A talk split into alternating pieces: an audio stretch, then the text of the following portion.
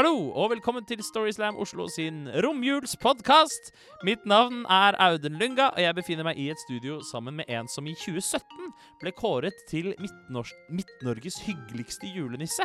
Ved en feil, fordi hun er ikke fra Midt-Norge, og hun var Nei. ikke julenisse. Nei. Men hun håper å gjenta suksessen i år. Ja. Karoline Marie Enoksen. Hei, hei. Yes, hei på deg. Velkommen til meg. Yes, dette er Dette har vi gjort før. Snakka Ja. trøndersk på podkast. Det gikk det- skikkelig dårlig. Det skal vi ikke. Nei, vi skal ikke gjøre det. i. Men Ja. uh, dette er jo romjulspodkasten vår. Ja, det er det. Ja, og det er bare fordi den kommer ut i romjula. Ja, Ja. det er sant. Så uh, ingen av historiene vi skal høre nå, handler noe om jula. Nei, eh, overhodet ikke. men du hører på dem mens du tygger uh, ribberester og surkål. Ja, riktig. Og da får du jo en viss romjulssvung. Yes. Pluss at vi nå har sagt ordet romjul kanskje ti ganger siden Ja. podkasten startet, og da sant. er det julestemning. Det er riktig. Disse historiene som dere skal få høre, de ble fortalt på vårt Grand Slam-arrangement den eh, 26. november. Ja.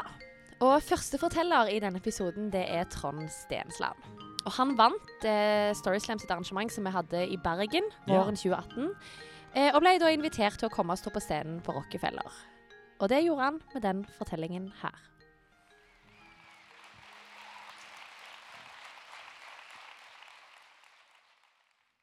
Nelson Mandela han sa en gang at bitterhet det er som å drikke gift og håpe at fienden din dør av det.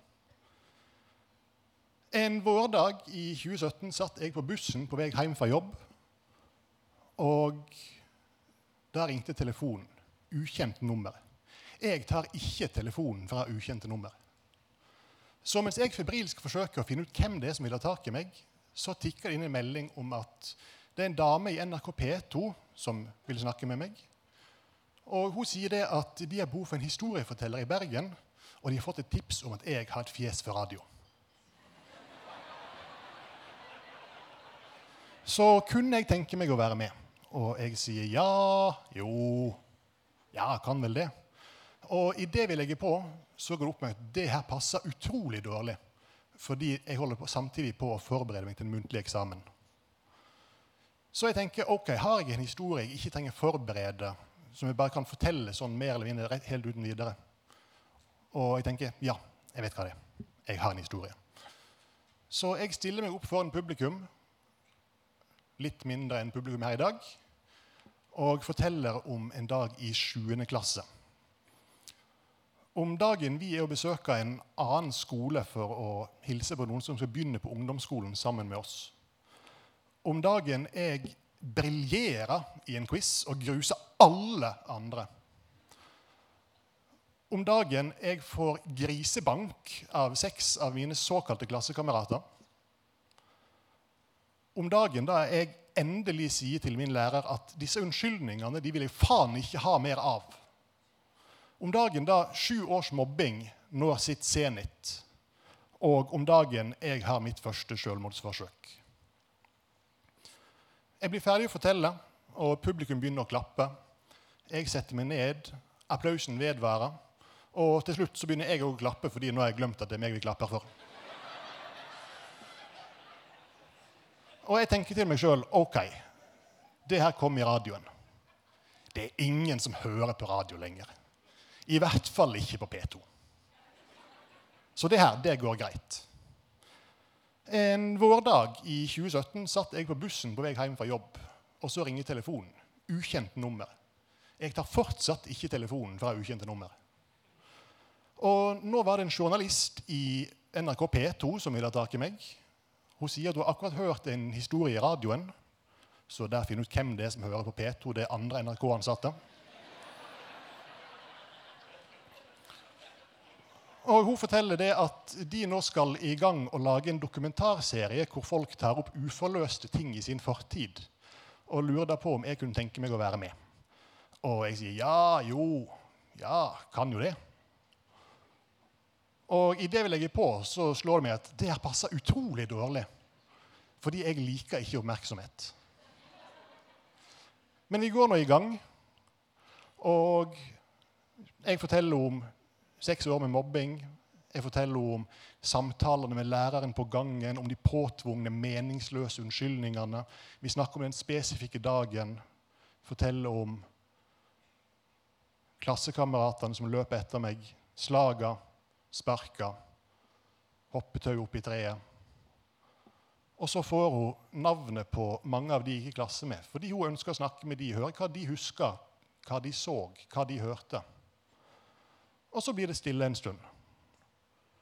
Før en dag ringer til meg og sier Trond, nå har jeg snakka med mange av de du gikk i klasse med. Det, det, er ingen av de som husker denne episoden. Det er ingen som har sett noe. Det er ingen som har hørt noe. Og jeg tenker OK, det, det var litt rart. Og så går det noen uker til, og så ringer hun tilbake og sier Trond, husker du Erik? Erik Gutten som helte melk i sekken min på skolefritidsordningen. Han som en gang bandt meg fast i ei flaggstang og lot meg stå der gjennom en skoletinge. Jo da, husker Erik. Hun sier det at hun har snakka med Erik. Han husker at han var der. Og han sier at han husker at han var en av de som slo. Har du lyst til å møte han? For Erik han har sagt ja til å være med på denne dokumentaren. Og han sier at han kunne tenke seg å treffe meg. Og da går det opp for meg det at jeg har strengt tatt ikke så mye valg. Så en februardag nå i 2018 satt jeg i en hotellobby i Bergen og kjente på en viss uro. For det var nå jeg skulle møte Erik. Og når jeg sitter der, så kommer det en mannsperson inn Litt eldre enn jeg husker han. Litt tynnere i håret enn jeg husker han. Litt mer oransje boblejakke enn jeg husker. Men det er unektelig Erik. Og idet jeg strekker fram hånda for å hilse på han, så ler han litt. Og jeg ser han skjelver på hånda. Og da går det opp for meg at det her det er faktisk verre for han enn det er for meg. Og vi setter oss og snakker sammen. Vi sitter på det hotellrommet i fire timer og snakker. Han forteller litt om seg og sitt, og hva han har gjort på siden sist gang vi såges. Jeg forteller om meg og mitt. Vi snakker om den spesifikke dagen, vi snakker om klassehierarkiet, om Even, som var kuleste gutten i klassen, som jeg hadde utrolig lyst til å være bestevenn med. Men det var en posisjon som aldri helt var åpen. Og når vi sitter der, så går det opp for meg det at Erik han har faktisk blitt en ganske fin, ganske reflektert fyr. Og så kommer det øyeblikket jeg visste måtte komme. Han ser på meg og sier, 'Trond, du fortjener en unnskyldning.' Og jeg vil ikke ha noen unnskyldning, så der og da er jeg ganske avfeiende. I ettertid så har jeg fått litt tid til å tenke over denne episoden. Og jeg tenker det at Dersom en journalist hadde ringt til meg og sagt du, hørte du var en drittsekk for 20 år siden, lyst til å snakke om det, da ville nok jeg òg valgt å ikke huske valgt å ikke ha sett noe, ikke hørt noe. Men Erik, han husker. Nelson Mandela han satt 27 år i fengsel. Og mor mi har lært meg at folk som har sittet i fengsel, de kødder du ikke med. Så dersom han sier at bitterhet er som å drikke gift, da stemmer sikkert det. Og da tenker jeg å gi noen mulighet til å gi slipp på den bitterheten det må være noe av det fineste du kan gjøre.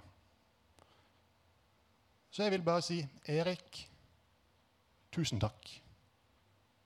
Og takk for meg.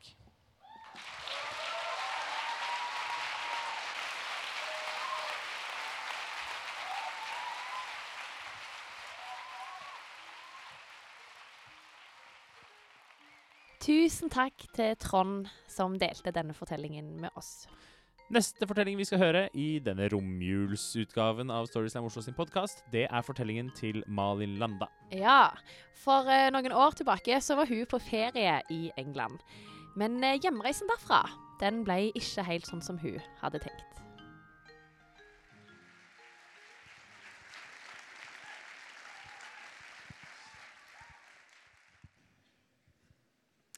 Jeg tror at det er meninga at den skal være to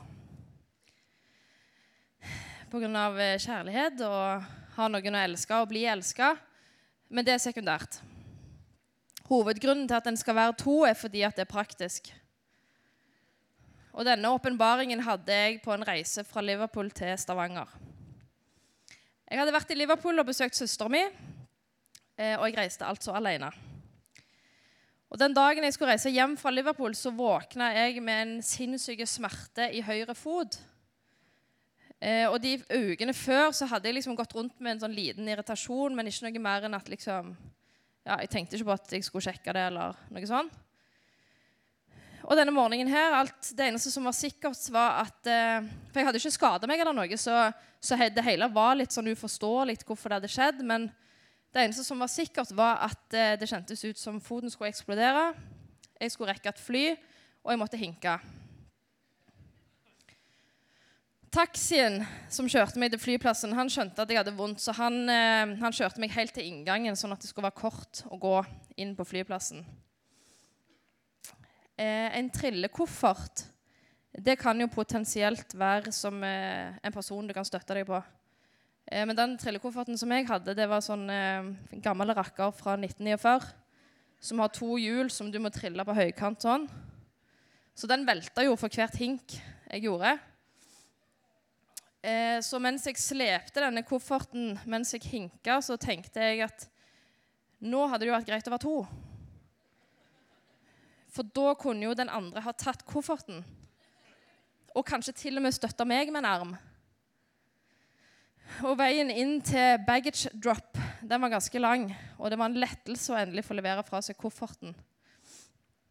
Eh, og jeg vet ikke hvor lang tid jeg brukte på de 200 meterne, men det må i hvert fall ha gått et døgn. Og så, inne på flyplassen, så fant, meg, fant, jeg meg en plass å sitte. Og da satt jeg på en sånn treseter der du sitter liksom overfor hverandre. Tre der og tre der. Eh, og håpte på at det skulle komme en, eh, en som jobber på flyplassen, forbi.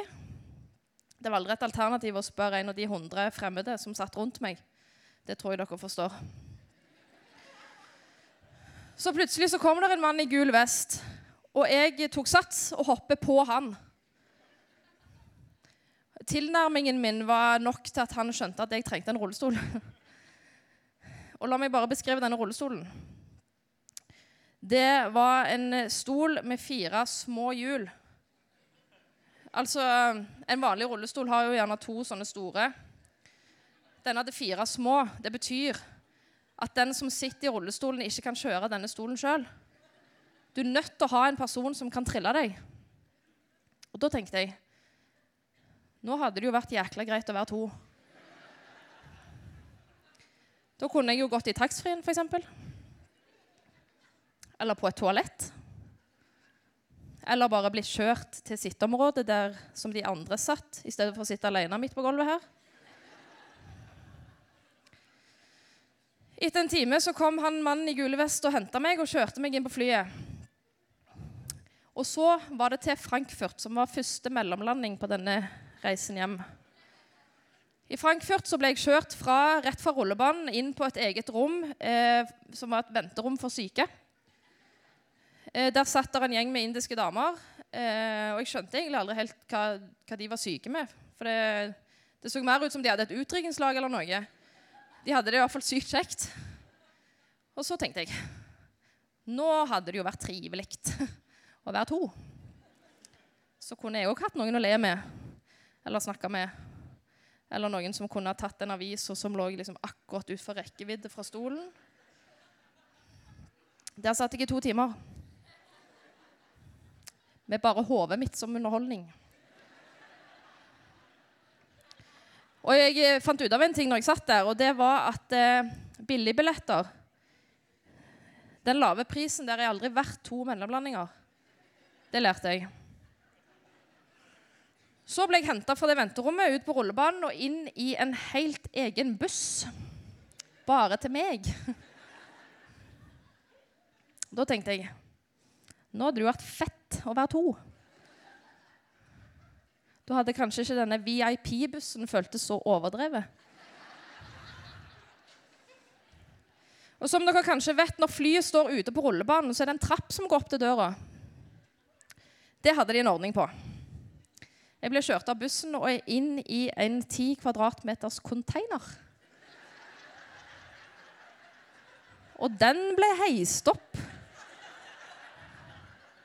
Sånn at jeg kom på høyde med døra og kunne komme meg inn.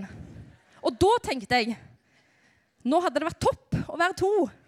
Så kunne noen tatt bilde av meg, så jeg kunne lagt ut på Instagram. Den siste mellomlandingen det var i Oslo. Og den gikk ganske smertefritt, bortsett fra at vi var ti minutter forsinka. Flyet, stått, flyet som skulle gå til Stavanger, hadde stått der og venta i ti minutter. For det gjør de faktisk. Hvis du sitter i rullestol, så venter de. Og det beste av alt er at når du går om bord i flyet med en rullestol, så er det ingen som tør å bli sure. Og så, i, fem, minu- i 45 minutter senere, så var jeg endelig på endestasjon. Sola flyplass i Stavanger. Der sto pappa i ankomsthallen og venta.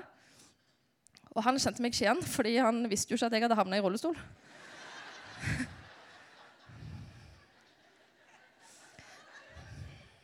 Hei, pappa. Ja, det er meg. Hele denne reisen her eh, fikk meg til å forstå at eh, det er meninga at den skal være to. Fordi rullestolene på flyplassen kan du ikke kjøre alene. Så til alle guttene der ute Jeg heter Malin Landa. Send meg en PM fordi jeg trenger en ledsager. Takk.